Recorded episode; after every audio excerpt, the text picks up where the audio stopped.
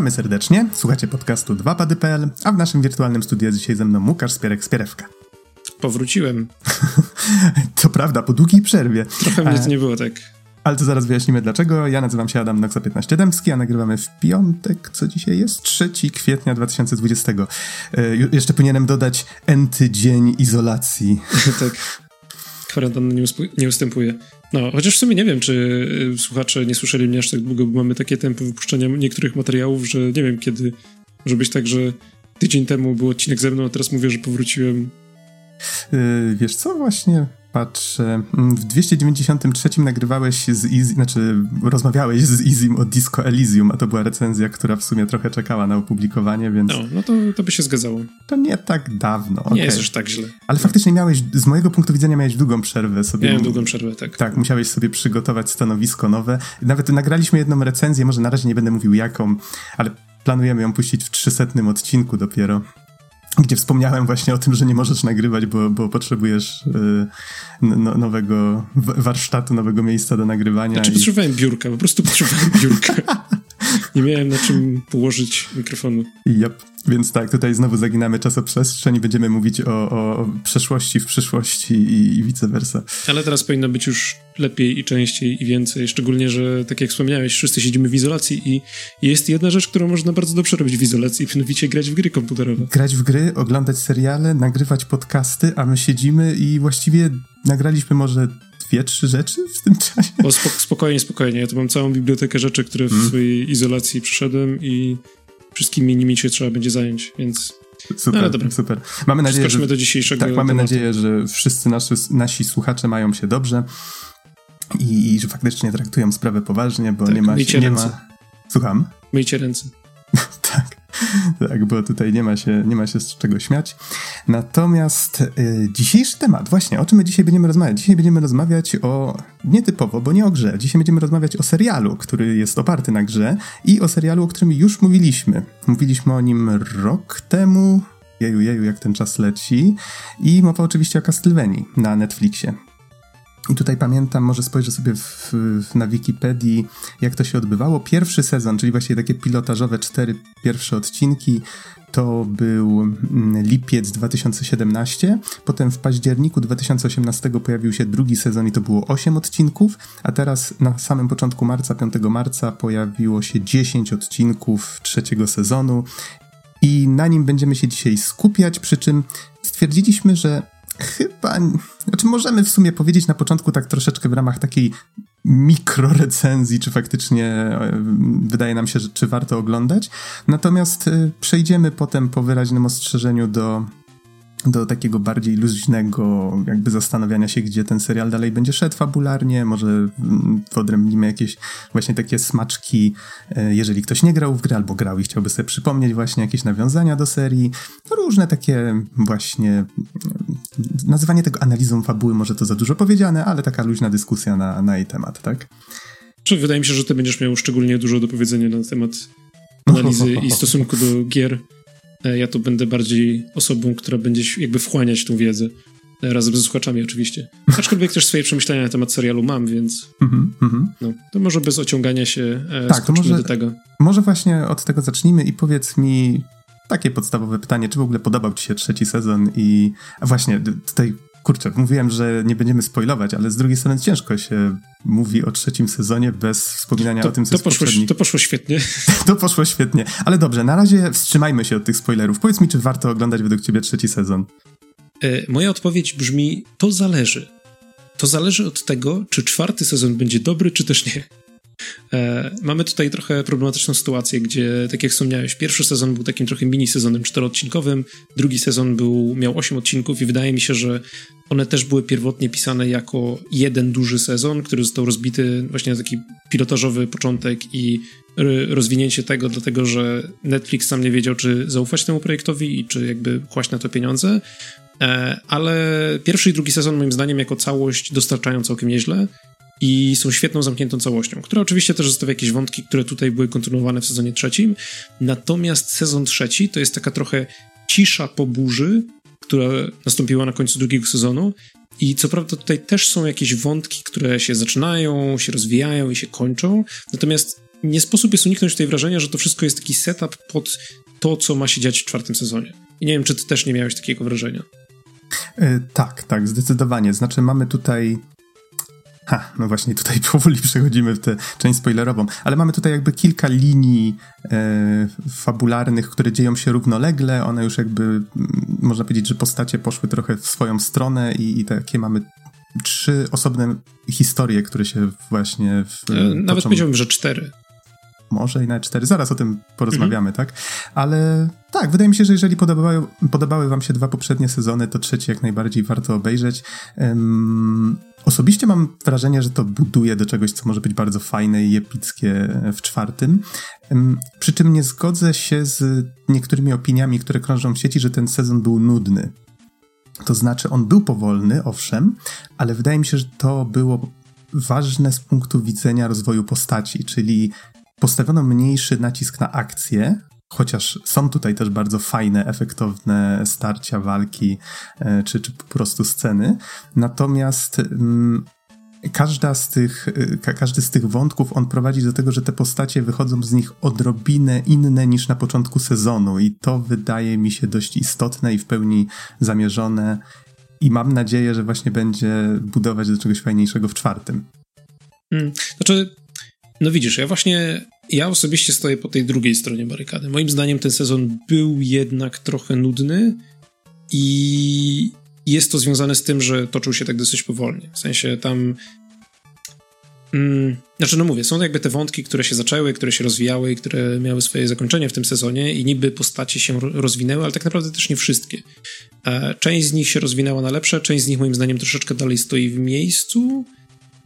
Mm, I nie sposób jest oprzeć się wrażeniu, że szczególnie jakby środek tego sezonu, bo początek jest bardzo fajny i koniec jest ok, e, ale środek tego sezonu tak sobie właśnie trochę meandruje tymi wątkami e, po to, żeby no właśnie w sumie to nie wiem. Moim zdaniem, gdyby ten, ten sezon miał 8 odcinków, to byłby trochę lepiej, znaczy byłby trochę trochę zgrabniej by płynął niż to, co dostaliśmy, bo jest tam parę takich momentów, gdzie po prostu jakby okej, okay, kiedy się zaczniesz coś dziać, jakby kiedy te wątki zaczną iść do przodu. E, widzimy, jakby najgorsze jest to, że my jakby jako widz, szczególnie dlatego, że mamy tą perspektywę e, patrzenia, znaczy obserwowania tych wątków z różnych e, punktów widzenia, to widzimy dokąd niektóre z tych rzeczy doprowadzą, zanim one się jeszcze zaczną i to jest takie po prostu powolne czekanie, aż te rzeczy pójdą do przodu. I tak cały czas krążę dookoła tego, żeby nie zaspoilować tak naprawdę, co tam się dzieje, więc e, wydaje mi się, że jakby chciałbym zmierzać do podsumowania tej pierwszej części, mówiąc tylko, że e, jeżeli podobały wam się dwa pierwsze sezony, to wydaje mi się, że można dać trzeciemu szansę. Jeżeli dwa pierwsze sezony zostawiły was tak trochę w niepewności, to wydaje mi się, że albo możecie czekać na sezon czwarty i zobaczyć, jakie będą opinie na jego temat, albo nie, zaryzykować, poczytać trochę recenzji, bo jakby, no nie jest to taki, tak jak w przypadku drugiego i pierwszego sezonu, znaczy pierwszego trochę mniej, ale drugiego ze względu na kontakt z pierwszym mogę polecić jakby bez dwóch zdań, że jest bardzo fajny i warto zobaczyć. Tak trzeci sezon jest ciężki do zarekomendowania. Mhm. No tutaj, tak jak mówiłem, ja miałem bardziej pozytywne mm, raczej spojrzenie na sprawę. Natomiast wydaje mi się, że jeszcze warto wspomnieć o jednej rzeczy, jeżeli ktoś nie orientuje się zupełnie w serii Castlevania, która no ma swoje lata. E, pierwsza część wyszła w 86 roku, więc to jest całkiem sporo materiału, który można wykorzystać. I właśnie to, co warto tutaj przypomnieć, to to, że twórcy chociaż zaczęli od inspirowania się mm, chociażby Castlevanią trójką na NESa, biorąc po prostu postacie stamtąd, e, wzięli też trochę postaci później w drugim sezonie z Curse of Darkness na PS2 i oni wzięli te postacie, wzięli z materiału źródłowego ciągle jakieś drobne inspiracje, właśnie gdzieś tam y, easter eggi wciskają drobne nawiązania, często dość subtelne, nawet ciężko je wyłapać. Nie, czasami mam wrażenie właśnie, jak czytam jakieś fanowskie spekulacje, że te nawiązania są wyłapywane przez niektórych tak na siłę, tak? Że o, ten ma taki sam kolor kubraczka jak tamto. Ja mówię, no okej, okay, no można też tak na to patrzeć. Ale to, co chyba jest najważniejsze w tym wszystkim, to to, że twórcy wzięli te postacie i zrobili z nich coś swojego. Czyli ta historia już ma coraz mniej wspólnego z Castlevanią, a coraz więcej po prostu jest to ta serialowa Castlevania, tak? To jest już po prostu swoja własna rzecz. I to jest to jest fajne w sumie. Jak ktoś tyle lat zna tę serię, to jest po prostu jakaś tam kolejna wizja, już w sumie która? No, Koji Igarashi przyszedł w pewnym momencie i po Symfonii Nocy zaczął to był H96, tak? Zaczął reorganizować fabularnie całą serię. Wszystkie te w tej chwili już chyba łącznie 20 czy ileś gier, on to wszystko ułożył w taką, no, powiedzmy, że w miarę spójną historię, tak? A potem, potem Konami nie za bardzo wiedziało, co z tą serią zrobić. Robili ją przez jakiś czas Hiszpanię, zrobili trylogię, no, która też, też była całkiem ok. Tylko, że to była zupełnie już inna wizja i spojrzenie na to wszystko. Um, a teraz mamy kolejny, kolejną próbę i to jest właśnie to. No dobrze, i wydaje mi się, że chyba już tutaj powinniśmy postawić to ostrzeżenie, Czyli od tego momentu ostrzegamy, że teraz już będą spoilery, tak? I ostatni moment, żeby wyłączyć. Ostatni moment, żeby wyłączyć albo wrócić, jeżeli jeszcze nie oglądaliście serialu. I wydaje mi się, że jeszcze mogę ostrzec, że no będę mówił o no może może ciężko powiedzieć, że Castlevania jako gra ma faktycznie jakąś historię, którą można bardzo zaspoilować. W sensie tam fabuła nie gra aż tak dużej roli w wielu tych gier jest po prostu historia w rodzaju hej, jesteś gościem, który przypomina Arnolda Schwarzeneggera grającego Konana Barbarzyńcę i masz magiczny bicz w ręku, idź pokonaj Drakulę, czy, czy coś, tak? Więc mniej więcej do tego się wiele z tych gier sprowadza, ale są też takie, które mają różne postacie, różne intrygi, wątki i tak dalej, tylko że raczej nie, nie są jakieś nigdy zbyt skomplikowane. E, niemniej tak, wydaje mi się, że będziemy trochę mówili o Curse of Darkness właśnie na PS2, może trochę też o Lament of Innocence, może też Circle of the Moon. Postaram się nie spoilować takich części, na przykład jak Area of Sorrow, powiem odrobinkę na ten temat, ale nie będę wchodził w spoilery. Y, natomiast wydaje mi się, że po prostu po nagraniu tego odcinka spróbuję jakoś tak zebrać rzeczy, które się pojawiły i najlepiej, jeżeli nie jesteście pewni, po prostu zerknijcie w opis odcinka. Tam mm, postaram się zamieścić właśnie info, które gry ewentualnie żeśmy tutaj zaspoilowali w ten czy inny sposób. Okej, okay, może żeby już ten przydługi wstęp w końcu odłożyć na bok. To powiedz, Spierek, co tam mniej więcej się dzieje? No, to Castlevania sezon trzeci zaczyna się w dużej mierze sprzątając wątki pozostałości po sezonie drugim. Sezon drugi skończył się w takim momencie, że oczywiście Dracula został pokonany, e, ale w wyniku tego e, Alucard decyduje się zostać przy zamku i e, chronić zarówno zamek, jak i posiadłość Belmontów, podczas kiedy pozostała jakby część głównej trójki wyrusza na wyprawę po to, żeby zabijać potwory i generalnie sprzątać okolice. E, Hector został z Carmilą, tak mi się wydaje, Carmilą w, jednym, w jednej lokacji. E, nie skończył na tym za dobrze. Natomiast e, Izaak został wypchnięty przez magiczne lustro gdzieś hen daleko na pustynię. Więc jakby wszystkie z tych głównych pozostałych przy życiu postaci, każda z nich ląduje w trochę innym miejscu. I jakby to są takie cztery główne wątki, które są ciągnięte przez ten sezon w miarę równolegle. Czyli cztery, czyli mówisz Trevor z Syphom, Isaac, Hector i kogo jeszcze wymieniłeś? Znaczy powiedziałbym z Hector z Carmilą i e, ostatnią jakby jest Alucard. A, okej, okay, faktycznie cztery. Dobrze mówisz. Hmm, ciekawe, dlaczego zapomniałeś o Alucardzie. Być może dlatego, że jego wątek jest najsłabszą częścią tego sezonu. Jest, tak, to prawda, najmniej to mi wydaje mi się, podobał. że możemy zacząć od niego, jako jedynej postaci, która się nie, nigdzie nie ruszyła. A wiesz co, w sumie to, znaczy, bo ja wiem, czy się nie ruszyła, mnie się wydaje, że on się właśnie... Mm, Stoczył w miejscu. On się nigdzie nie ruszył fizycznie, w sensie... Tak, nadal... tak, o to mi chodziło. ale tak, ale przeszedł małą drogę, która wydaje mi się, że może wpłynąć na niego trochę w kolejnych sezonach. Znaczy zdecydowanie tak, jakby jego oś fabularna, znaczy oś fabularna jego wątku w tym sezonie to właśnie to, że jest bardzo samotny, bo już miesiąc nie widział swoich znajomych i zrobił sobie szmaciane lalki, bo jest mu tak smutno, jest taki, taki e, to jest w ogóle taki, zrobił się z niego taki trochę stereotyp takiego, no nie wiem, zapatrzonego w dal młodzieńca z długimi włosami, Spierek, który jaki, myśli jaki, ster, jaki stereotyp, ja za chwilę sam uszyję takie lalki i będę tutaj siedział, a Lukas w pewnym momencie zrobił sobie obiad, usiadł, gada do lalek, lalek które przypominają Trevora, i Saifę, język mi się dzisiaj plącze, I, i zaczyna do nich gadać i naśladować ich głosy, a potem tak siedzi kurde, chyba zupełnie mi odbił. I tak, który to już tydzień, miesiąc, w sumie to już nie pamiętam. No, znaczy, mm, to w sumie w dzisiejszych czasach uderza trochę inaczej niż myślałem, yep. ale, ale jakby no, wątek jest taki, że mm, znaczy no, zostaje tam w tym miejscu, no ale jest samotny i ja mam, znaczy jeden problem, który mam z tym dosyć mocno i myślałem, że nie odbije się to znaczy, kiedy kończył się sezon drugi, to było to hintowane, ale nie spodziewałem się tego, że jakby zmieni to dynamikę serialu już tak bardzo. Mianowicie, strasznie brakuje mi interakcji Trevora i Alucarda. W sensie, wydaje mi się, że to, dlaczego drugi sezon podobał mi się tak bardzo, to jest w dużej mierze właśnie to, że Trevor i Alucard bardzo się nie lubią, ale znoszą swoją osobowość i cały czas jakby wrzucają na siebie nawzajem. I to tworzy taką właśnie fajną dynamikę takich trochę buddy cop w sensie dwaj gliniarze, jeden y, y, narwany, drugi bardziej przepisowy, którzy zostają przydzieleni jakby do jednego zespołu i muszą rozwiązywać sprawy kryminalne, e, pomimo tego, że siebie nie lubią. To jest jakby trochę to było trochę to uczucie i tego w trzecim sezonie zupełnie nie ma i strasznie, strasznie mi tego brakowało. W zamian za to dostajemy natomiast dwójkę e, Japończyków, chyba?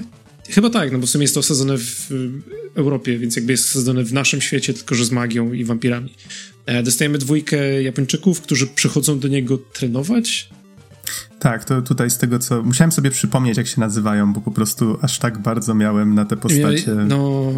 wytentegowane. Nazywali się Sumi i Taka. E, I to było rodzeństwo chyba. Bliźnięta chyba, w każdym razie, tak. tak. I, I, to, i to, to było. Mm, to była para, która chciała to znaczy inaczej, to było też takie, potraktowałem to trochę bardziej jako mm, próba naprawienia czegoś, co w drugim sezonie poszło odrobinę słabo. Czyli tam się pojawiło sporo nowych postaci, byli to ci dowódcy, których Dracula sprowadził, żeby pomogli mu y, niszczyć ludzkość, tak? I jednym z tych dowódców był właśnie, była jakaś wampirzyca z Japonii. I właściwie to było tak, że te postacie wyglądały całkiem fajnie. Widać było, że w ich design powiedzmy poszło trochę czasu i, i, zasobów.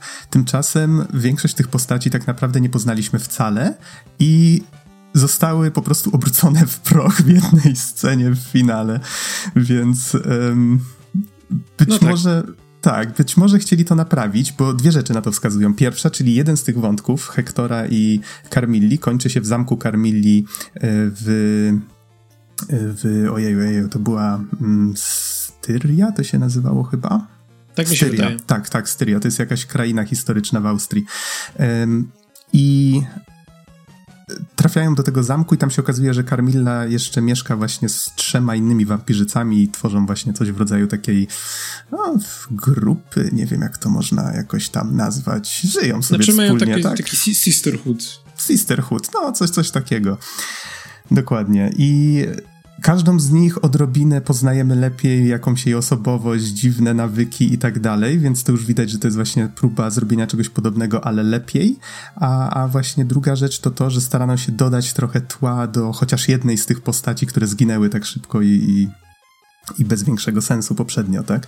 Czyli mhm. właśnie, właśnie do tej wampirzycy z Japonii. No i tutaj Sumi i, i Sumi i Taka oni y, opisują trochę właśnie te sytuacje, że tam ta wampirzyca... Że byli niewolnikami, tak. że uciekli, że było źle, a teraz chcą się wytrenować i być łowcami wampirów. Tak, i teraz się e. dowiedzieli właśnie, że ona prawdopodobnie zginęła w, w, tym ataku i się dowiadują, co tutaj właściwie zaszło i że wiedzą, że Alucard może, że ma wiedzę, tak, i zasoby tam w, poukrywane w tym zamku, które mogą im w sumie pomóc y, dalej walczyć z wampirami. Tak, tak przynajmniej początkowo to się, mhm. tak się wydaje, że do tego to zmierza. I zupełnie od pierwszej sceny nie widać, że tak naprawdę nie mają czegoś innego na myśli. tak, to jest też coś takiego trochę przewidywalnego, że, że czujesz, że to, że to zmierza w trochę złym kierunku. Tak, tak, znaczy w sensie jakby, no ja oglądając cały czas nie mogłem pozbyć się wrażenia, że te postaci są wprowadzane za szybko i jakby za szybko zżyły się za Lucardem bez takiego faktycznego jakby, no nie wiem, sklejenia ich w grupę, która mogłaby działać. W sensie od początku widać, że jakby coś tu jest nie do końca tak. E, często są właśnie takie przebitki, gdzie widać, że oni sobie chodzą po zamku i coś tam szukają i się go pytają te same rzeczy, więc jakby wydaje mi się, że ciężko jest oglądać to i nie mieć takiego poczucia w tyle głowy, że o, to się nie skończy dobrze. No i faktycznie jakby okazuje się, że, że się nie kończy dobrze, e, dochodzi do sceny e, seksu, której się zupełnie nie spodziewałem. W sensie, bo ona też pojawia się tak kompletnie z czapy, jakby nie, nie ma żadnego, nie ma żadnej no nie wiem tutaj lepszego wytłumaczenia, znaczy lepszego określenia, ale nie ma żadnej gry wstępnej, po prostu jakby e, przechodzimy praktycznie ze sceny do sceny i to się zaczyna dziać, po czym kończy się w taki sposób, że próbują zabić Alucarda, po czym kończy się w taki sposób, że Alucard zabija ich e, i od tego momentu Alucard nienawidzi ludzi. Niespodzianka. nie, nie, wiedziałem, w którym momencie bardziej wybuchnąć śmiechem, więc siedziałem cicho. Ale tak, tak, tak, jest dużo racji w tym, co mówisz. Wydaje mi się, że ich magiczny plan polegał na tym, że trzeba jakoś odwrócić jego uwagę. Jak odwrócić uwagę wampira? No, no nie wiem, pójść z nim do łóżka czy coś. No, było znaczy... to takie trochę dziwne, ale mm, to, co mi się podobało w tej scenie, to to, to, to, to jak y, Alucard ich wykończył, jak się, no bo... Tak, tam... to było akurat bardzo fajne to było tak, że przez cały sezon on właściwie z nimi powiedzmy trenował szermierkę czy coś i w ogóle można było zapomnieć, że on w poprzednim sezonie właściwie chodził z tym swoim familiarem, z tym latającym mieczem mhm. e, i on tutaj teasowane tylko było troszeczkę, jak go pytali o, to, o ten magiczny oręż czy coś, że czy on korzysta z takich rzeczy i ja zupełnie o tym zapomniałem. Tak? Ja też zupełnie o tym zapomniałem. To akurat było zrobione bardzo fajnie, że też oglądałem cały ten sezon zupełnie zapominając o istnieniu tego miecza, jak sobie potem przypomniałem sceny, szczególnie walki z drugiego sezonu, to jakby widać, że używa tego dosyć dużo. E, I to, jak zostaje to wyciągnięte na sam koniec w ostatniej scenie, jest rzeczywiście bardzo fajne. Mhm, tak. No i to wszystko prowadziło do tego, żeby pokazać, że okej, okay, Alucard, który w grach był właściwie takim chłodnym, wykalkulowanym gościem, mało mówiącym. E, tutaj po drugim sezonie, ojej, stał się właściwie, on jest taki ludzki, on tutaj masę fanartów można zobaczyć właśnie, jak on, nie wiem, jak się tam powiedzmy uściskuje z Trevorem i z Saifą na pożegnanie, są łzy i w ogóle takie, wiesz, bardzo dramatyczne sceny. E, zresztą była scena, jak on wrócił do domu, tak, zdał sobie sprawę, że zabił ostatniego członka swojej rodziny i, i faktycznie tam było pokazane, jak, jak płacze gdzieś tam w kąciku już sam. Mhm. Więc nie, nie dziwię się, że w sumie ludzie tak do tego podeszli. Jestem w sumie, w sumie dobrze, że to, to jest takie nowe, świeże spojrzenie na tę postać, ale chcieli tutaj chyba wrócić trochę do tego, czyli pokazać, no dobrze, on tutaj właściwie stanął w takim miejscu, że będzie teraz ufał ludziom, będzie starał się im pomagać, czyli teoretycznie tak jak ta postać zawsze była takim kontr-Drakulą. Natomiast e, właśnie fajnie, że dali też tą taką trochę mroczniejszą e, stronę mu, mu, pokazali. Może to też właśnie ta, ta scena miała być taka, taka szokująca trochę, żeby, e, żeby pokazać, co ta postać przeszła i dlaczego może teraz będzie podchodzić jak do jeża, e, a, a nie tak od razu, że ojej, pojawiło się dwóch Japończyków, trzeba im zaufać, tak? No, znaczy w sensie ja rozumiem jakby jaki tutaj próbowano zastosować zabieg literacki, w sensie utratę wiary w ludzkość i przemiany i to, że Alucard to będzie teraz Dracula 2. E, znaczy może nie do końca, zobaczymy co z tego wyciągną, ale Chociaż moim zdaniem koniec... to wszystko się rozegrało za szybko. Mhm. Tak, to tak, co do tego się zgodzę. Chociaż prze, właśnie chciałem ci przerwać na sekundkę, bo tutaj ciekawą myśl przedstawiłeś z tym, z tym Drakulą 2. E, fajnie na końcu właśnie chyba jedna z ostatnich scen z nim w tym sezonie to było jak on wchodzi do zamku i mówi, że ma nadzieję, że, że mógłby postawić tabliczki mówiące wynocha stąd, ale w sumie pójdzie starą, dobrą metodą. Tatusiowi się sprawdziła i pokazują właśnie e, Sumi i tak jak są nabici na pal gdzieś tam przed wejściem, żeby odstraszać. Więc tak, yy, tak. Tak. To, to był jeden wątek. Drugi wątek to właśnie ten, o którym wspomniałeś, czyli Hector i Carmilla, e, który, którzy jakby w zeszłym sezonie skończyli w dosyć interesującej pozycji, bo Hector zdradził Drakulę, e, co nie wyszło mu na dobre. E, I teraz jest uwięziony przez Carmillę, musiał drałować, ile tam nie mówili, parę tysięcy kilometrów na piechotę przez miesiąc, aż doszli do właśnie zamku w Styrii. No i większość tego akcji z tego wątku rozgrywa się właśnie na terenie tego zamku. Mogę się tylko domyślać, że z Wołoszczyzny właśnie do, do Styrii musieli dojść piechotą. Ile to kilometrów? Nie wiem. Nie pamiętam, nie wiem. Można sprawdzić. Zostało to chyba wspomniane w serii, ale tak? nie pamiętam dokładnej liczby. Aha. Znaczy tam była chyba mowa tylko, że kilka tygodni im to zajęło? No w każdym razie nie jest to komfortowy dystans. A i szedł, szedł nago? Nie pamiętam. No, na pewno bo, szedł na piechotę. No, był tak. Y, już, już pod koniec drugiego sezonu było jasne, że raczej stał się niewolnikiem Carmilli, tak? Nie, nie wiem, czego się spodziewał do końca, bo, bo ona tam manipulowała, kim popadnie i wykorzystała go właśnie, żeby y, żeby całą tą rewoltę Drakuli zdusić. Mm, niemniej to, co jest najważniejsze, to to, że ona teraz y, zmierza do tego, żeby zrealizować swój, swoją intrygę, tak? Czy, czy plan, jak to nazywają tej... Jak, jak można by je tutaj nazywać? Siostry? Ładnie? Siostry, no to w sumie chyba najlepsze określenie, bo mamy tutaj tak, poza Carmillą poznaliśmy jeszcze Moranę, poznaliśmy Lenorę i Strygę, czy stry, stry, Strygę chyba można to odmieniać. Oglądałem wersję angielską tak swoją drogą. Ja tak samo. Polską włączyłem tylko w paru miejscach, żeby zobaczyć, jak dialogi wypadły i nie wypadły tak źle, chociaż muszę przyznać, że wie w finalnej walce, Trevor, jak Trevor walczy właśnie z potworami razem z Saifą i y, no tam, tam jest parę potknięć, w sensie mastering kuleje, w jednym momencie głośność muzyki po prostu spadła i wzrosła, w innym słychać, że w ogóle postękiwania w trakcie walki e, Saify chociażby są zbyt głośno i po prostu tak to czuć, że aż włączyłem z powrotem wersję angielską, żeby zobaczyć, czy, czy tam było tak samo, nie? Ale nie, wersja angielska jest cud miód i orzeszki, no świetny jest ten finał. Um, no dobrze, wróćmy do, do naszych sióstr, tak? I tutaj mamy tak, Strzyga, czyli ta jej imię to właściwie jest, z tego co zdążyłem wyczytać, Strzyga, to, to, to też z Wiedźmina można kojarzyć, tak? To, to mhm. jest wampir po rumuńsku. Czego nie, nie wiedziałem albo nie pamiętałem. Yy, I to jest właściwie taka, uff, to, to jest potężnie zbudowana kobieta i ona zajmuje się wojskiem w, tym, w tej grupie.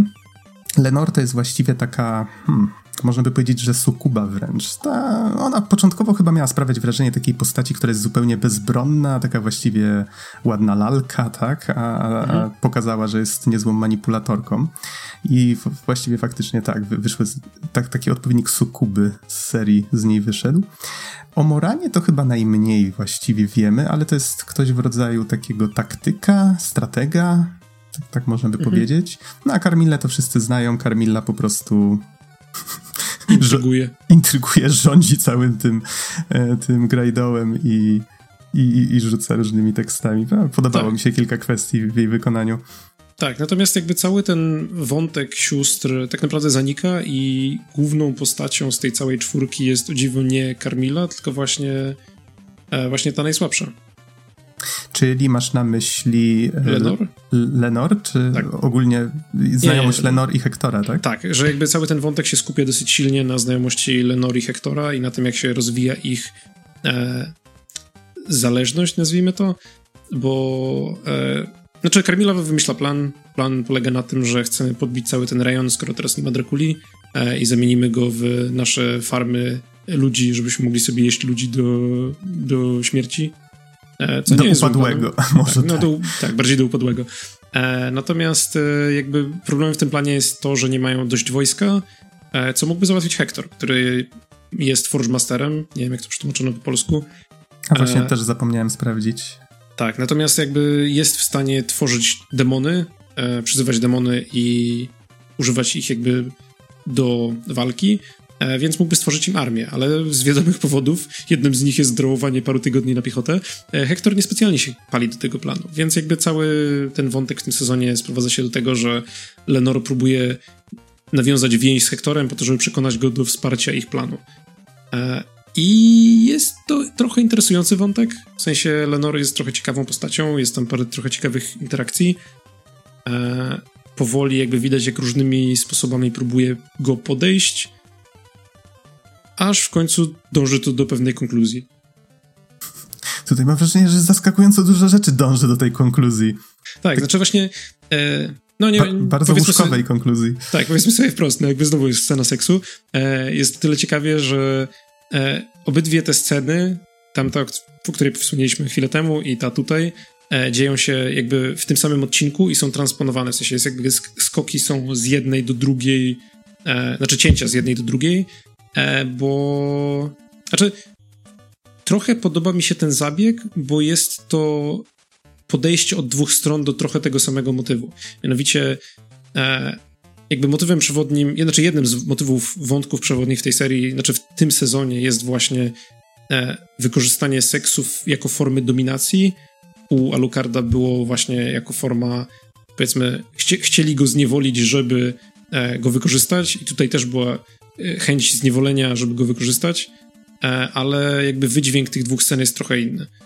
E, I jako właśnie zabieg scenariuszowy jest to spoko, natomiast yy, nie wiem, jakoś sposób, w jaki zostały przedstawione te obie sceny, tak trochę mnie zmierdził. Mhm. A tutaj, szczerze mówiąc, nie mam zbytnio nic do dodania. Dobrze, żeś to opisał.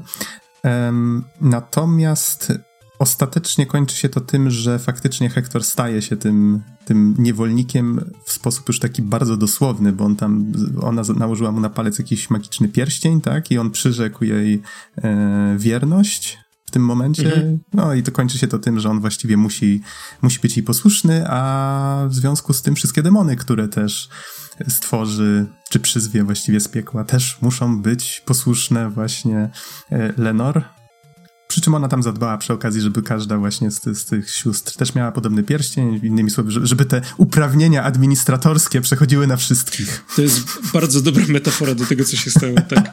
E, aczkolwiek ja do ostatniej chwili miałem trochę nadzieję, że jakby ona też wykorzysta te pierścienie, żeby też zniewolić swojej siostry. E, bo też to, że... czuję, że to może do mhm. tego dążyć, tak, że ona tam manipuluje tak na grubszą skalę. Tak, że właśnie jakby jest niby najsłabszą z tych sióstr, ale tak naprawdę jakby prowadzi to wszystko do tego, że stanie się jednym z takich e, poważniejszych przeciwników. Mam nadzieję, że jakby nie zostanie to zostawione w tym miejscu, w którym teraz jest. Mhm. Tak, to, to by było na pewno bardzo ciekawe. Podobało mi się kilka, w, w ogóle wszystkie sceny rozmów tych, tych sióstr są bardzo fajnie poprowadzone. A, a zwłaszcza właśnie już jak ona przyprowadza tego Hektora jak takiego zwierzaczka na smyczy i, i, i, właśnie przedstawia go reszcie. Mówi, teraz Hektor będzie chodził tutaj tak jak wszyscy, będzie mógł e, chodzić po tych korytarzach, będzie karmiony, ładnie ubierany, wszystko będzie fajnie my tak sobie myślimy, nie no, okej, okay, dobrze, no e, aż dziwne, że go chce tak miło traktować, nie? I potem Hektor się chce odezwać i ona mu mówi, te, teraz są ważne rozmowy, tak? Teraz dorośli rozmawiają. Teraz dorośli rozmawiają, tak. To, to pamiętam, że sprawdziłem, jak ta rozmowa wygląda w obu językach i właśnie trochę się, trochę się różni, ale w angielskiej wersji jest jasno powiedziane, że teraz mówią prawdziwi ludzie. Mhm. I to jest ta, ten moment, kiedy Hektor się cofa o dwa kroki i widać ten szok na jego twarzy, jak zdał sobie sprawę, do, do czego doszło. Tak. No ale no zobaczymy. W sensie Zostało tam wprowadzonych trochę wątków, szczególnie właśnie tak jak mówiłeś, ten wątek pomiędzy Strzygą i tą, tą ostatnią siostrą, nie pamiętam jak się nazywa. E, Morana? E, chyba tak. E, jakby widać silniejszą zażyłość między nimi niż pozostały, między pozostałymi siostrami i nie mogę się oprzeć wrażeniu, że któraś z nich spadnie z rowerka w następnym sezonie. I, I, nie skończy się to dobrze, bo znaczy druga nie zniesie tego zbyt dobrze. Ale widzisz, to jest właśnie fajne, że to jest już wiemy na tyle dużo na temat tych postaci, że jesteśmy w stanie spekulować, że okej, okay, jeżeli coś by się stało z jedną, to druga może tego nie znieść i tak dalej. Zaczynamy sobie łączyć, mhm. wykorzystywać te zależności. Tak, ale właśnie dlatego, że tutaj jakby w tym sezonie powoli wprowadzono te postaci i jest na to miejsce, no to jeżeli coś się stanie takiego właśnie w czwartym sezonie, to ja powiem spoko. Jakby miałem, miałem grunt przygotowany, teraz rozumiem, co jakby, co tu się może dziać dalej. Mhm, tak, no faktycznie pod tym względem Taka i Sumi byli wprowadzeni tak jako bardziej narzędzie, nie, niż postacie. Tak, wydaje mi się, że gdyby Taka i Sumi w tym sezonie po prostu sobie potrenowali, a w czwartym doszłoby do czegoś, to, to miałoby lepszy wydźwięk. Mhm. No dobrze, czy jeszcze o czymś warto wspomnieć w przypadku tego, co się w Styrii dzieje? Czy Nie, już... w sensie to, to był taki właśnie sezon mocno przygotowawczy pod to, że w czwartym sezonie zakładam, że będziemy jechali jakby do przodu, że one, że tu jakby przez ten sezon kreował się tutaj spory problem, ten problem się wyleje w następnym sezonie na resztę świata, miejmy nadzieję. Mhm. To został nam jeszcze e, Isaac i Trevor z Syphą. To Wydaje mi się, że możemy Isaaca. Tak, bo zresztą to się bardzo ładnie wiąże, bo mamy tutaj jakby dwie siły, które budują można powiedzieć, armię.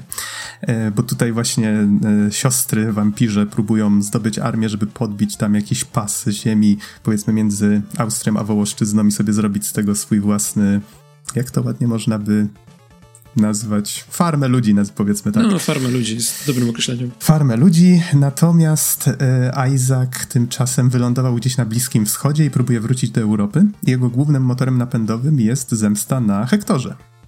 Mhm. Bo wychodzi z założenia, że Hektor zdradził Drakulę, tymczasem Isaac bardzo się z nim żył, traktował go jak swojego mistrza i tak dalej. Bardzo ta misja wybicia wszystkich ludzi mu przemówiła do wyobraźni. E, I właściwie podróżuje jako taki nekromanta, można by powiedzieć, bo on przyzywa te, te demony ci Forge Masterzy, oni potrzebują do tego, żeby przyzywać te demony, potrzebują ciał ludzkich.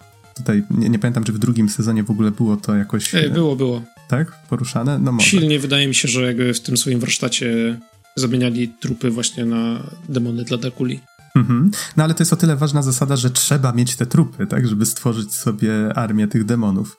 No i on podróżuje właśnie z taką armią potworów. Tam można sobie dopatrzyć, jak ktoś powiedzmy kojarzy potwory z, z różnych części serii, to można wy, wypatrzyć w tłumie różne znane twarze. E, natomiast on trafia do właśnie podróżuje po tych różnych miastach i spotyka różne postacie. Jest tam między innymi sklepikarz, który mu pokazuje magiczne lustro, które e, wyjawia mu, gdzie jest Hektor, tak? E, podobało mi się podsumowanie tej rozmowy. Dlaczego mi pomagasz? A ten sklepikarz stwierdził, że no, jestem pewien, że trafię do piekła, a dobrze byłoby znać kogoś, kto będzie miał tam jakieś wtyki, tak? Jakieś mhm. znajomości. Nie jest to zły pomysł, szczerze powiedziawszy. Do, dość dość logiczne myślenie. Mhm. Tak, no ale właśnie najfajniejsze w jego wątku jest to, bo w ogóle moim zdaniem jakby wątek Isaaca był najsilniejszą częścią tego sezonu, bez dwóch zdań. E, bo jest takim właśnie trochę podróżującym pielgrzymem, który próbuje wrócić do Europy, ale jakby po drodze spotyka ludzi, z którymi nawiązuje dialog i jakby stara się sam odnaleźć swoją własną osobowość, bo do tej pory był po prostu takim właśnie trochę przydupasem Drakuli e, i jakby był kompletnie poświęcony jemu, a tutaj jakby w dialogach z innymi postaciami, które stawiają bardzo celne pytania, e, on jakby zaczyna zastanawiać się nad tym, czego on tak naprawdę chce jak on chce do tego dążyć i właśnie powiedzmy, jakie królestwo chce zbudować jako swoją spuściznę. Mhm.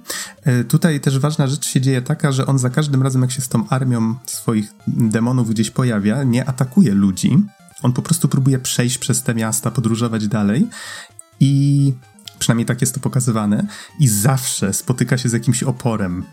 I go zawsze to frustruje strasznie. Twierdzi, że ludzie nie potrafią jakby dojść do logicznych wniosków. On tutaj mówi, że chce przejść. No i nie, nie przejdziesz, tam to są siły nieczyste, wynoś się stąd, tak? I rozmowa kończy się zawsze tym samym, czyli następuje totalna jadka i wybija kogo tylko jest w stanie.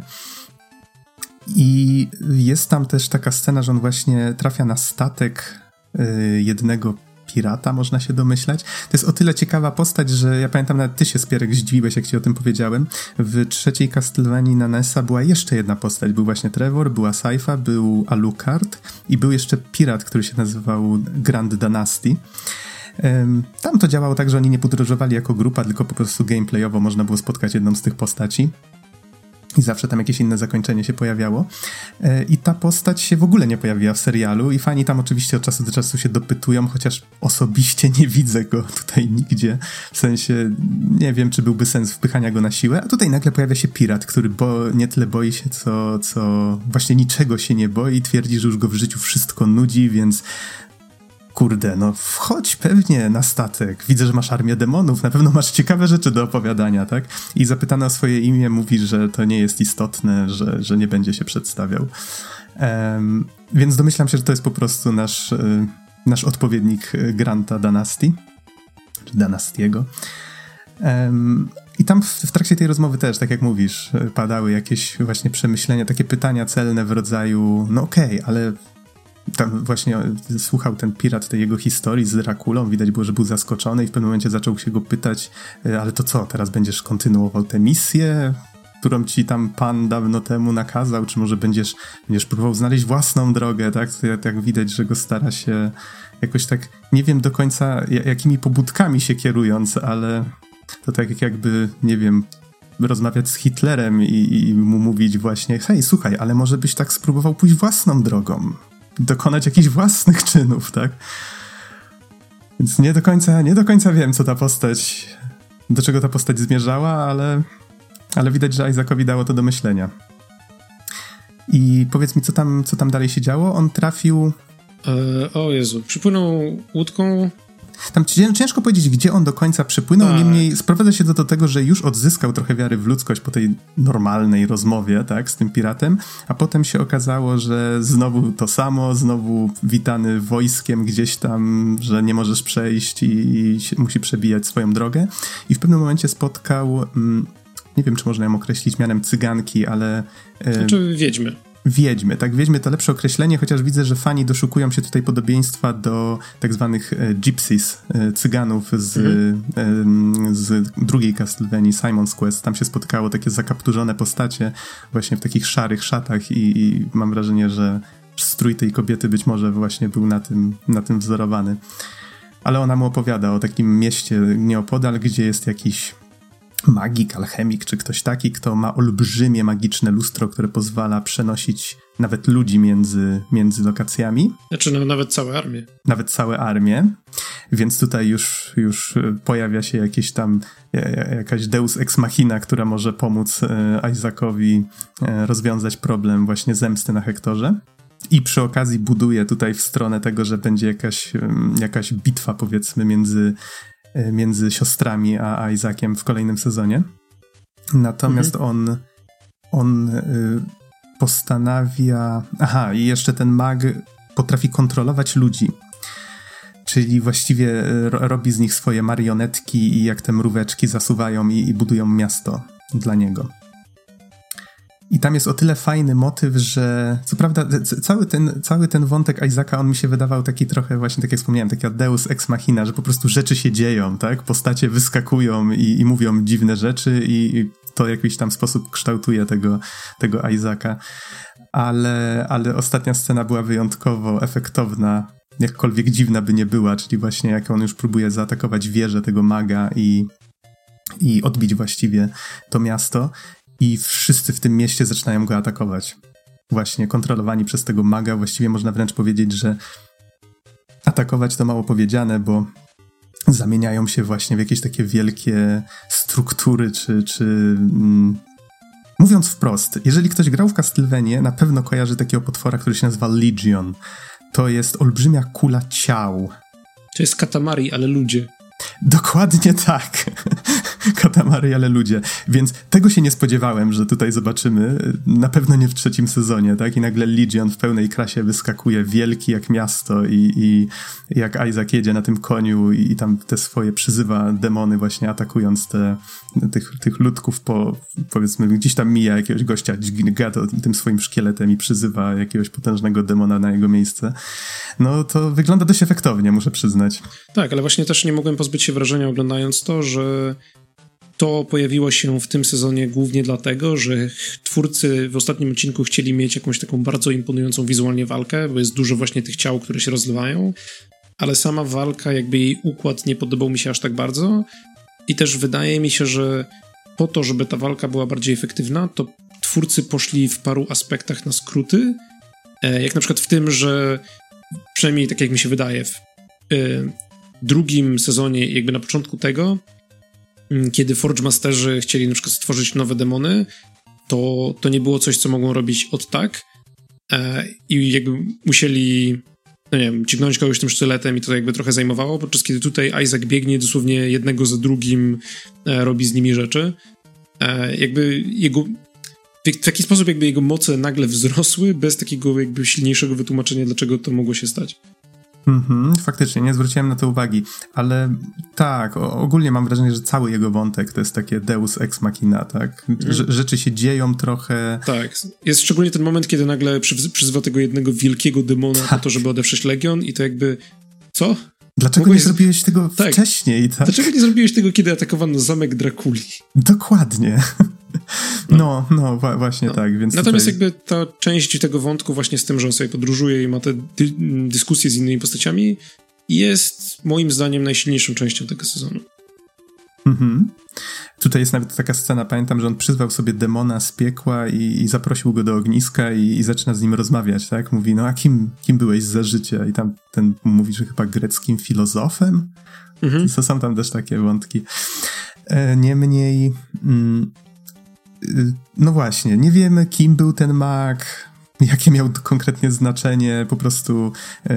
no tak za szybko się wszystko zadziało. W, w efektownej scenie Isaac wpada i go pokonuje, ale sam fakt, że się pojawił tam Legion bardzo mi się podobał.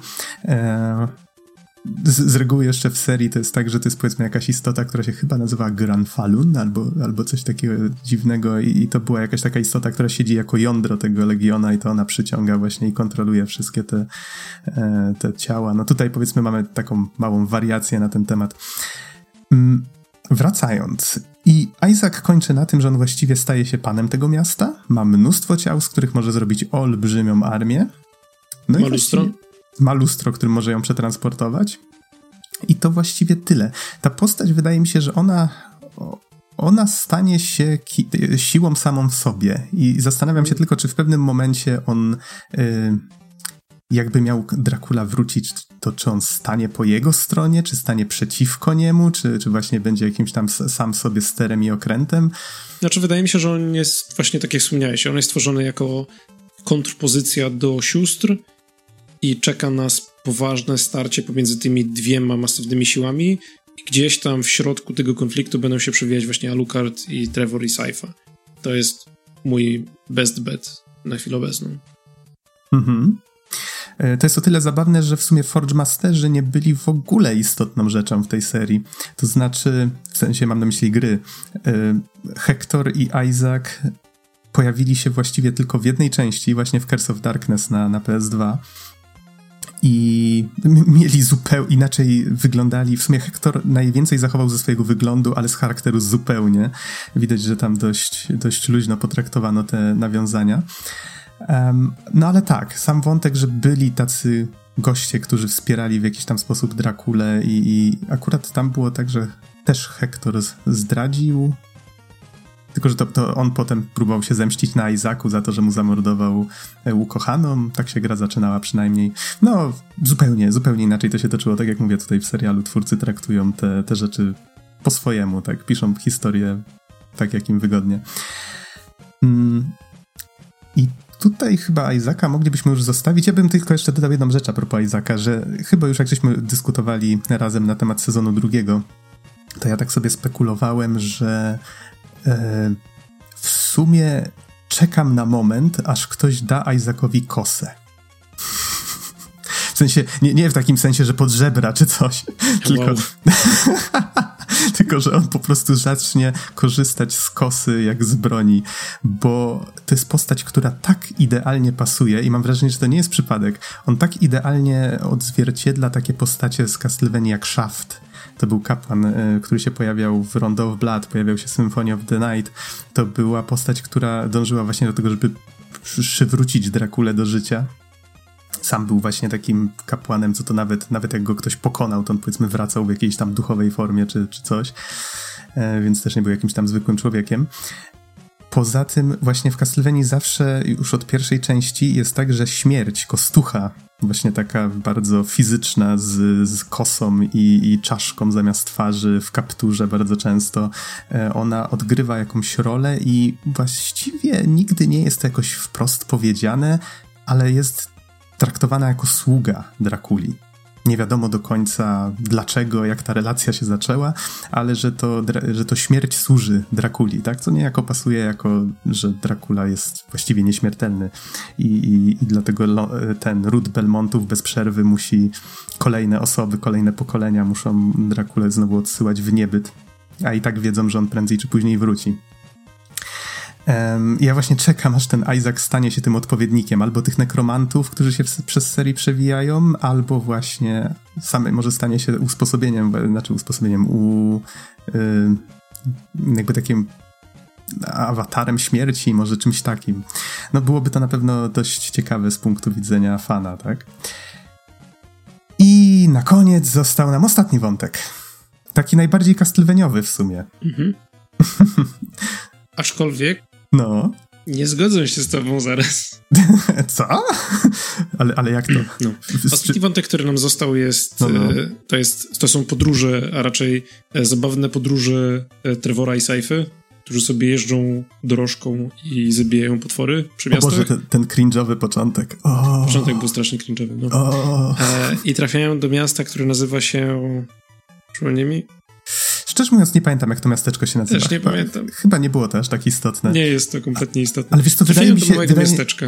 wydaje mi się, że to przed przybyciem do tego miasteczka to jest o tyle istotne, żeby powiedzieć, że ten cringe, ta, ten e, żal, żalościsk, to wynikało z tego, że mm, było pokazane, że ojej, potwory, zobacz, o nie, trzeba je pokonać. Taki, Jak my sobie z tym poradzimy? Z uśmiechem na ustach e, Trevor, nie wiem, gołymi rękoma e, zabija no, tego wilkołaka, łamiąc mu kark. No różne się takie rzeczy dzieją, że patrzysz na to i to wszystko w takich jasnych barwach i jej, przygoda, o, o, o, to musiało, bo auć. Mhm. Więc tak, tak, nie wiem, dziwne to było, ale rozumiem, czemu to zrobili. W sensie ten kontrast, który zbudowali między tym początkiem, że ojej, patrz, oni się bawią tym, że pokonują potwory, to jest takie proste, a koniec, yy, w którym te postacie wyjeżdżają z tego miasteczka i właściwie wyglądają jak uosobienie, o, tego słowa szukałem wcześniej, uosobienie depresji, jest takie, u, to jest takie mocne uderzenie. Oj, tak. Eee, wspomniałem ci już o tym wcześniej, ale przytoczę to e, teraz jeszcze na antenie i zobaczymy, czy poprzesz moją teorię. E, wątek Trevora i Saify w trzecim sezonie Castlevanii to jest Diablo The Animated Series. Bardzo dużo się mówi o piekle. E, jest małe miasteczko, są jakieś tajemnicze rytuały. Pod, pod ziemią przywołuje się jakiś demon. No mówię, wrota piekła, przyzywanie ludzi z, z powrotem z piekła. Jakby It all checks out. E, dziwne symbole rysowane na ścianach budynków. Hmm. Teraz kurczę. Zmuszasz mnie do tego, żebym się znowu przyznał na antenie, że nie grałem żadne Diablo. E, no, to. Znaczy, no oczywiście Diablo ma jakieś tam swoje, swoje wątki, no ale ja oglądając e, ten sezon nie mogłem się pozbyć wrażenia, że to jest właśnie takie trochę. Gdyby miał być animowany serial Diablo, to on by tak wyglądał. W sensie w każdym odcinku po parę, parę razy pada słowo hell, dziwne rzeczy dzieją się w klasztorze. Mnisi zachowują się nie tak jak trzeba. Mm, to może uderzę z drugiej strony, to znaczy, gdzie to się kojarzy z Castlevanią? Mhm. Już druga część, czyli właśnie e, Simon's Quest na NESa, polegała na tym, że starała się bardzo ambitnie zmienić zupełnie sposób, w jaki się w to grało. Jedynka to było po prostu, ok, masz tu kilka etapów w zamku Drakuli, idziesz do najwyższej wieży, starasz się go ubić. W dwójce masz podróżowanie między miasteczkami, masz e, lasy, masz cykl dobowy, dość niesławny, bo zmiana tego e, trybu właśnie z dnia na noc i odwrotnie trwa kilka ładnych sekund, w trakcie których bardzo powoli wyświetla się tekst na ekranie i potem się przełącza i tak dalej. Um, ale to było dość ambitne, tak? Ta gra jest chyba najmniej grywalną już w tej chwili, albo przynajmniej jedną z najmniej grywalnych gier z tej serii. Właśnie przez wzgląd na to, że te archaizmy bardzo, bardzo źle się zestarzały. E, no ale te ambicje było widać. Mm, no i wydaje mi się, że to po pierwsze nawiązuje, bo mamy podróżowanie między miasteczkami, polowanie na potwory. E, ten wątek z klasztorem został nawet pokazany w ten sposób, który bardzo przypomina intro do Rondo of Blood, czyli mamy, tam, tam było coś takiego, że tam chyba były nawet dwie takie sceny w outro też, że właśnie były okna, okna zamku czy klasztoru właśnie, z których wylatywały różne duchy albo, albo właśnie mm, w, samym serialu jest taka scena, że ten demon wpada przez y, dach do, mhm. do wnętrza tej katedry i tam zaczynają błyszczeć te y, okna różnymi kolorami. Mam wrażenie, że taka scena była albo podobna właśnie w intro Rondo of Blood. Może mnie trochę pamięć myli. Może po prostu minisi chcieli mieć dyskotekę. Albo minisi chcieli mieć dyskotekę. Wszyscy dyskryminują. Ja ale, nie mogę. Ale był tam taki... Niemniej w tamtym intro najważniejszą rzeczą było to, że był tam jakiś mroczny rytuał właśnie zachodzący w jakimś kościele. Mhm. Zresztą to intro w japońskiej grze, która nie wyszła chyba z dobre 10 lat czy ileś poza Japonię, y, było czytane po niemiecku. U, tego nie wiedziałem. No, wyobraź to sobie, z japońskimi napisami. E, I byli tam rycerze w pełnych zbrojach, i była dziewica na, leżąca na trumnie, i, i był miecz przebijający dziewicę. No, było full, full service, wszystko tam było. Um, tu, tu niestety w serialu nie było dziewicy, byli tylko, byli tylko mnisi i, i truchło czy w sumie trochę, w sumie nawet nie truchło, taki na wpół żywy demon, który namówił mnichów, że hej, nie wierzcie w Boga, mamy tutaj lepsze opcje i przedstawił im cały swój program i taryfę i, i tam ci go przebili do krzyża gdzieś w piwnicy i tamten zbierał siły, żeby przyzwać Drakulę z piekła, tak? Więc uhuhu, dzieje się. Mhm. Dzieje się, aczkolwiek, e, znaczy trochę to zostało poruszone w serialu, ale nie mogłem oglądać jakby pierwszej połowy sezonu bez takiego, bez takiej jakby myśli w głowie, że demon pojawia się w wiosce, wskakuje do klasztoru, robi dużą dziurę, świeci się jak dyskoteka z wewnątrz, e, po czym z, zewnątrz z wewnątrz wychodzą mnisi i mówią, nie, nie, wszystko jest w porządku. E, no, ja, ja byłem zaskoczony, że jakby straż tego miasteczka i jakby wszyscy po prostu nie powiedzieli, wiecie co, to my może jednak tam zajrzyjmy i zobaczmy, czy faktycznie jest tak, jak mówicie.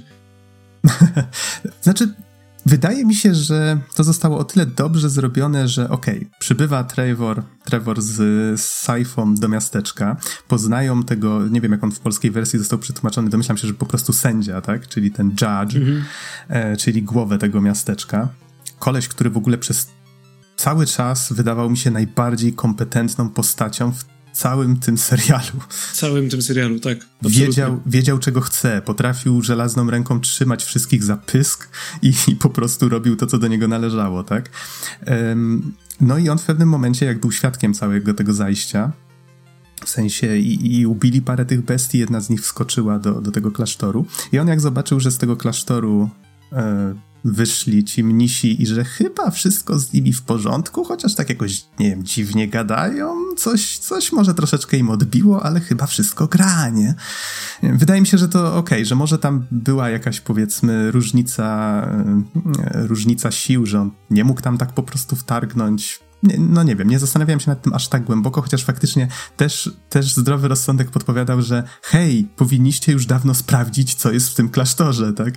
Albo nawet e, Trevor z Saifą tam już jak, jak, zaczęli węszyć, no to w sumie też, hej, okej, okay, ci ludzie próbują was przegonić, sami widzicie, że mają noże i, i w sumie są niebezpieczni, no ale tu może znowu dałoby się to tak uzasadnić, że oni po prostu czuli, że tam coś jest nie tak, przecież Saifa wykryła, że tam jest jakaś mroczna magia i że coś się buduje pod ziemią, prawdopodobnie coś tworzy, ale może zdawali sobie sprawę z tego, że jakakolwiek próba wtargnięcia tam to będzie mm, no, droga po trupach.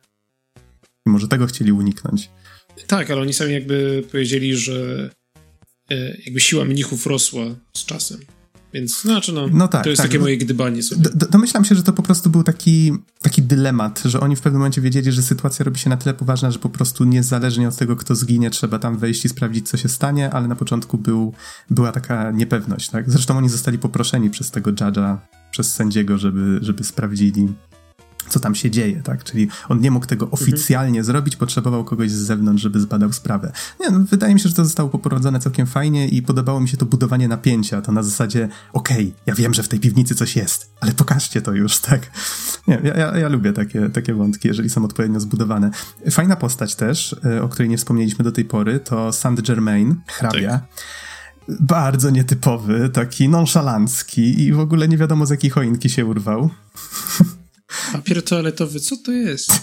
Jezu, to, a, to, to, się stał taki cudowny mem po tym, jak papier toaletowy zaczął znikać z naszych sklepów przy wybuchu pandemii po naszej stronie świata i Ech, i ten serial, i, i, i żart z papieru toaletowego, no nie wiem, po prostu domyślam się, że to przypadek, że ta scena nie, się tam pojawiła. Nie, przypadek, w sensie dobrze to zgrali w czasie i tyle. E, tak, Świetna ale właśnie Saint Germain był trochę ciekawą postacią, aczkolwiek zamknięcie jego wątku niespecjalnie mi się podobało. Ale to może po części też do tego, że. Bo wątek Saint-Germain właśnie opiera się na tym, że szuka swojej e, żony, wybranki, nie, nie, jakby nie złapałem tego do końca, kim ona była dla niego dokładnie. Jakiejś kobiety, tak. Jakiejś mhm. kobiety. E, natomiast e, ona została zamknięta, czy też przeniesiona za pomocą Infinite Corridor, tak się to chyba nazywało? Mm, wiesz co, już tak. Się tak. To chyba naz- w każdym razie jakby za pomocą takiego mm -hmm. tunelu portali łączących różne światy e, została przeniesiona gdzieś i on jakby stara się z powrotem wrócić do tego tunelu, żeby ją znaleźć. E, co jest jakby ok wątkiem, przy czym to też jest taki wątek, który zostaje szybko wprowadzony, szybko rozwinięty w tym sezonie i szybko zamknięty pod koniec tego sezonu po to, żeby go tylko spiąć do kupy e, i żeby jakby puścić to dalej. E, natomiast sama jakby wizualizacja tego Infinite Corridoru i tego, jak, jakby jak to wygląda i jak to brzmiało, ta scena mi się strasznie nie podobała. W sensie mhm. to było tak, znaczy raz, że mastering tego był bardzo głośny i po prostu taki nieprzyjemny w odbiorze, a dwa, że ta scena po prostu się ciągnęła i ciągnęła. Ja rozumiem, że oni chcieli pokazać jakby różne światy i zakładam, że też większość z tych światów była takimi trochę easter eggami e, dla osób, które wyłapią te nawiązania, natomiast e, trwało to odrobinę za długo. Tutaj z jednej strony było to ciekawe o tyle, że Saint Germain, on się pojawił w serii też właśnie w Curse of Darkness i tutaj właśnie pojawiam się odrobinę spoilerów na jego temat. To była postać, która jest inspirowana e, postacią historyczną, i tutaj starałem się troszeczkę przypomnieć na jego temat, ale nie wczytywałem się aż tak mocno w szczegóły. Postaram się otworzyć tylko może jakąś ściągę na jego temat. To był hrabia właśnie Saint-Germain, który e, żył tak prawdopodobnie właśnie w XVII-XVIII wieku.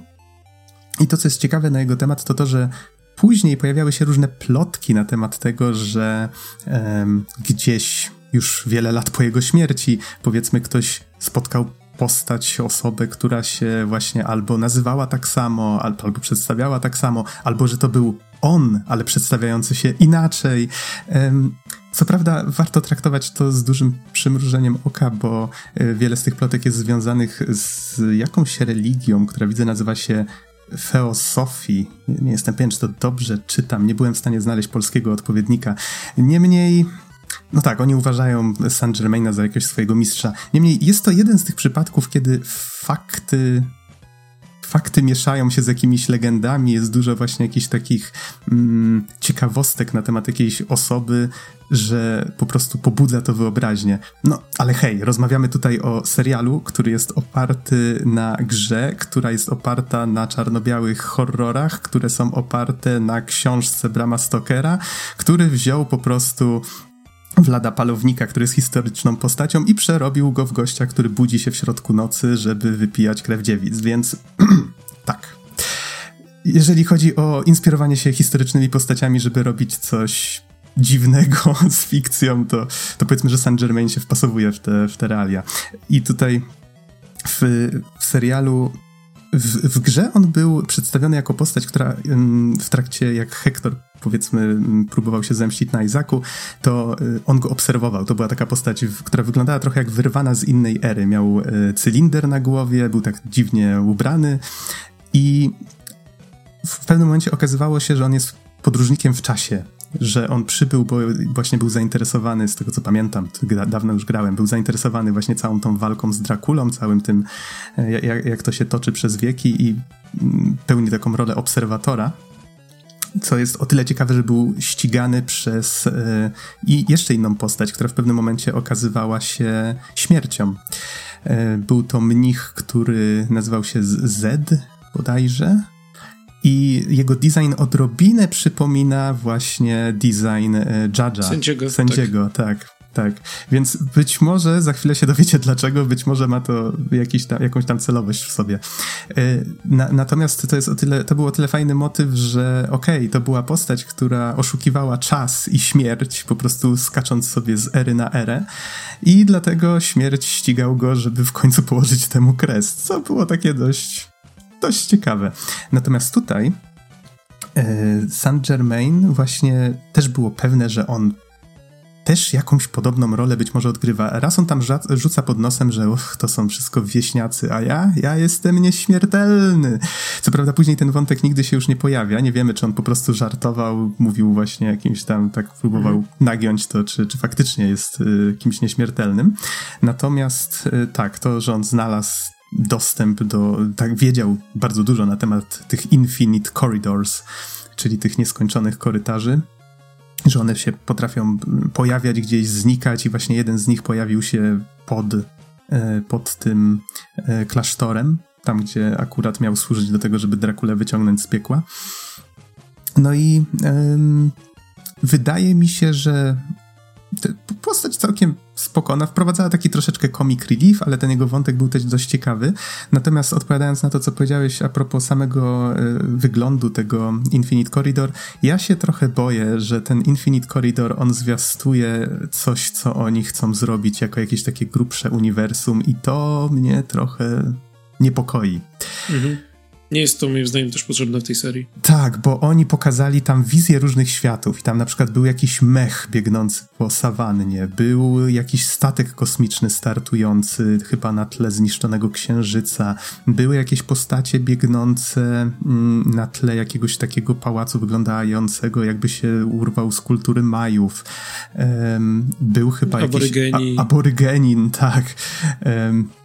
Więc część z tych rzeczy można by stwierdzić, że okej, okay, to było po prostu jakieś tam pokazanie innych części świata y, tego przedstawionego, właśnie jak z tą Australią, a, ale większość z tych, z tych rzeczy, nie wiem, albo może wyrwana gdzieś z czasu i przestrzeni, a może to po prostu są e, seriale, nad którymi oni dopiero pracują i oni chcą, żeby to było tak, że w pewnym momencie oglądasz serial i hej, kojarzę ten statek, albo hej, kojarzę tego mecha, tak? Boję się, że to do tego doprowadzi i w pewnym momencie może się okazać, że albo Saint Germain w ogóle się już w Castlevanii nie pojawi i powiedzmy będzie pełnił rolę takiej postaci, która będzie miała własny serial albo będzie skakała między różnymi serialami, w których um, w każdym będzie pełnił inną rolę. To by mogło być nawet dość ciekawe, tak mi się wydaje. W sensie seriale, które są pozornie zupełnie ze sobą niezwiązane i jedna, jedyna postać, która w każdym próbuje się wtopić w tło, ale widz wie, że to jest taki visitor, tak? Taki gość fabule. Nie wiem, co o tym mhm. sądzisz. No właśnie też nie jestem pewien jakby, co jest planowane. Czy planowane jest to, że to będzie postać, która jakby na przykład wróci w kluczowym momencie w późniejszych sezonach, żeby na przykład pomóc bohaterom? Wydaje mi się, że średnio. Wydaje mi się, że raczej to był taki po prostu wątek, trochę puszczenie oczko do fanów, e, trochę postać taka właśnie na jeden sezon, która im pomogła tutaj i jakby to już jest zamknięte. W sensie wydaje mi się, że jakby ona była uzasadnieniem tego mechanizmu, że za pomocą Infinite Corridora też próbowano przywołać Drakulę z powrotem z piekła. E, jakby to była postać z wiedzą na temat tego, żeby ją zamknąć. I jakby ten cały wątek już przepadł. Mhm. No tak, w sumie można na to patrzeć w ten sposób, chociaż on powiedział na końcu, że jeszcze się spotkamy, tak? Jak został po drugiej stronie tego. E, no, tego absolutnie, korytarza. a co miał powiedzieć? wait me in the, wait for me in the sequel, bye! um, tak, no a tymczasem oczywiście Trevor z Saifą rozwalają demony, które się zespawnowały z, w dużych ilościach, chociaż bardzo mi się podobało to, w jaki sposób, tak jak mówiłeś, że Isaac po prostu w pewnym momencie stał się strasznie OP mhm. zaczął robić rzeczy, których nie robił wcześniej, a mógł, tak?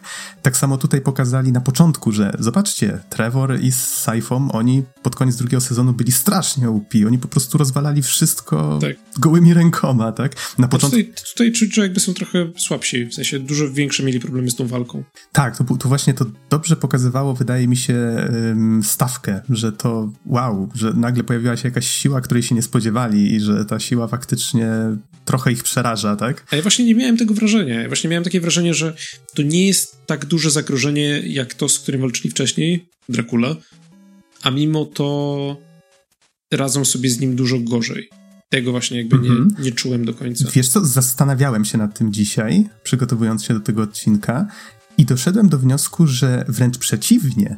Zwróć uwagę, że Dracula został pokazany jako siła, której oni nie byli w stanie sprostać.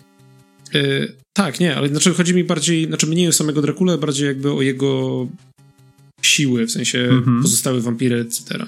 Czy może no, być okay. tak, że faktycznie jakby te demony z piekła są silniejsze? Nie wiem właśnie. No, znaczy ich design i wszystko wskazywał na to, że faktycznie są, znaczy powiem tak, robiły wrażenie w porównaniu z tym, co pojawiało się wcześniej pod tym względem w tym serialu. E, natomiast chodzi mi tu o coś innego, że sam Dracula, sam w sobie, tak? Został pokazany jako siła jako postać, która jest tak potężna, że nikt z tej grupy, łącznie z Alucardem, który w sumie trzymał się najdzielniej i najdłużej, e, nie był w stanie go drasnąć.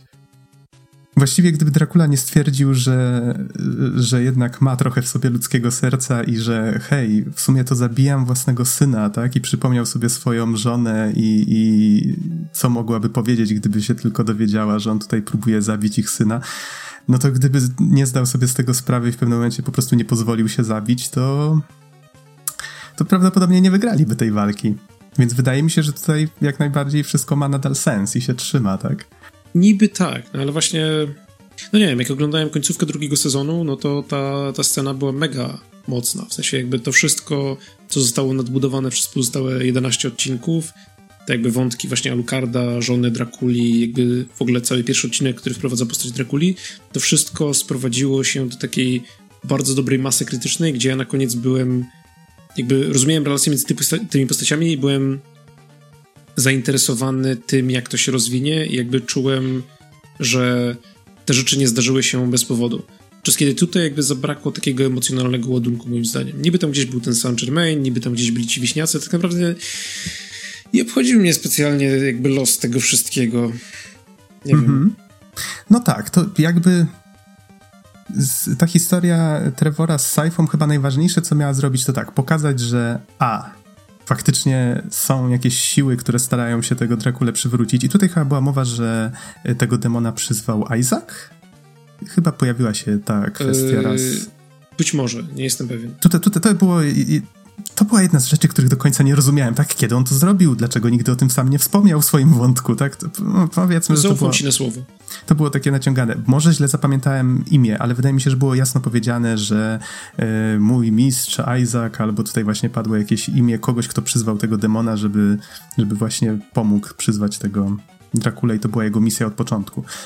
Um, nie, nie jestem w 100% pewien, że chodziło o Isaaca, ale wydaje mi się, że właśnie padło to w jednym z ostatnich odcinków. I y, to, to było jedno, żeby pokazać, że Dracula faktycznie gdzieś tam jest i czeka po drugiej stronie tego portalu. Oczywiście pojawił się razem z Lizą. E, I to, to był jakiś taki teaser, powiedzmy. I chyba druga rzecz to, żeby pokazać znowu, bo ten serial bardzo kładzie na to nacisk, że w sumie okej, okay, świat pełen potworów, ale największymi potworami są ludzie, no to tak. tutaj... Church Bad. Church bed, tak, dokładnie tak. E, tak, tak, ten, ten, to średniowieczną mentalność e, kościoła strasznie tutaj krytykują w taki bardzo wizualny sposób. Już nawet jak weszli do tego zrujnowanego kościoła i pokazali ten, tę kupę łajna gdzieś tam w rogu, e, no, tego typu, tego typu sytuacje. Mhm. Mm, I wydaje mi się, że no i właśnie jeszcze ta przemiana postaci, która była też tutaj chyba ostatni wątek, o którym nie wspomnieliśmy, czyli właśnie e, przemiana postaci związana z tym, co odkryli na temat sędziego. Czyli, że on, okej, okay, twardą ręką wszystkich trzymał, ale jak to sam wspomniał, miał swoje drobne przyjemności, a polegały one na tym, że y, znalazł sobie ładną jabłoń, i po prostu wokół niej wykopał y, rowy z kolcami, czarcie dołki, czy jak to się tam nazywa i podstępem yy, zaganiał tam osoby, których chciał się pozbyć. Chyba głównie dzieci, ale, ale nie zostało powiedziane wprost, Chyba że... głównie dzieci, bo też kolekcjonował ich buty.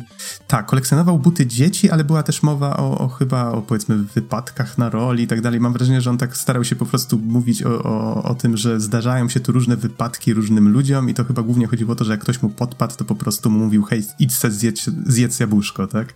Mhm. I ta osoba nigdy nie wracała. Tak, ale właśnie jakby, znaczy podobał mi się ten wątek, kiedy był prezentowany w takiej prostej formie, w sensie, bo on był dosłownie całość tego wątku, jaka tak naprawdę trzeba było, jaką trzeba było zrobić, była zakreślona tak naprawdę w trzech scenach.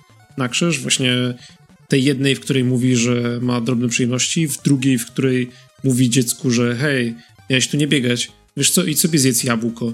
E, i potem tego dzieciaka już nie ma, I w trzeciej, w której właśnie jakby jest ta scena kulminująca, której mówi, że e, temu e, Boże, jaką, no ojcowi klasztornemu nie jestem pewien, jaką miał tam e, Prze, Przeor Sala się chyba nazywał. O, tak? Przeorowi mówi, że biegnij tamtędy i uciekniesz z miasta. Jakby te trzy sceny wystarczyły do narysowania całego kontekstu tej sytuacji i tego, co to prawdopodobnie oznacza, a potem jakby na sam koniec postaci idą pod tą jabłoń i są tacy, o nie, tu są kolce.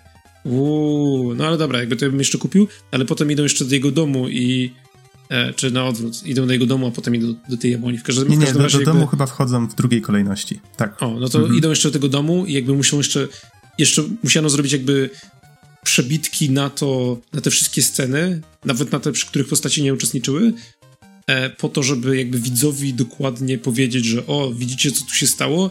On zabijał dzieci. E, I jakby strasznie mi się to nie spodobało, bo to jest takie jakby wydaje mi się, że większość widzów już do tego momentu zrozumiała o co chodzi, a nawet jeżeli ktoś nie zrozumiał, to jest to ok, ale jakby spędzono ekstra parę minut ostatniego odcinka tylko po to, żeby jakby dobitnie powiedzieć, że u, zobaczcie co tu się dzieje, zobaczcie co właśnie ten zły człowiek zrobił. Myśleliście, że on był dobry? Nie, on był zły. opisałeś, to faktycznie brzmi głupkowato. Znaczy, że no. mnie to tak nie uderzyło, ale rozumiem o co ci chodzi. Faktycznie mogli trochę mniej powiedzieć i nadal byłoby to mocne, albo i nawet trochę mocniejsze. Wydaje mi się, że chcieli po prostu wprost pokazać, patrzcie, sala wpadł do dołka, nie żyje, nie żyje, odczepione, ciach, ciach, zaznaczone, jest ok. I tak dalej. Um, no tak, a, Judge sam poprosił postacie, żeby... Żeby sensie, spalili jego dom.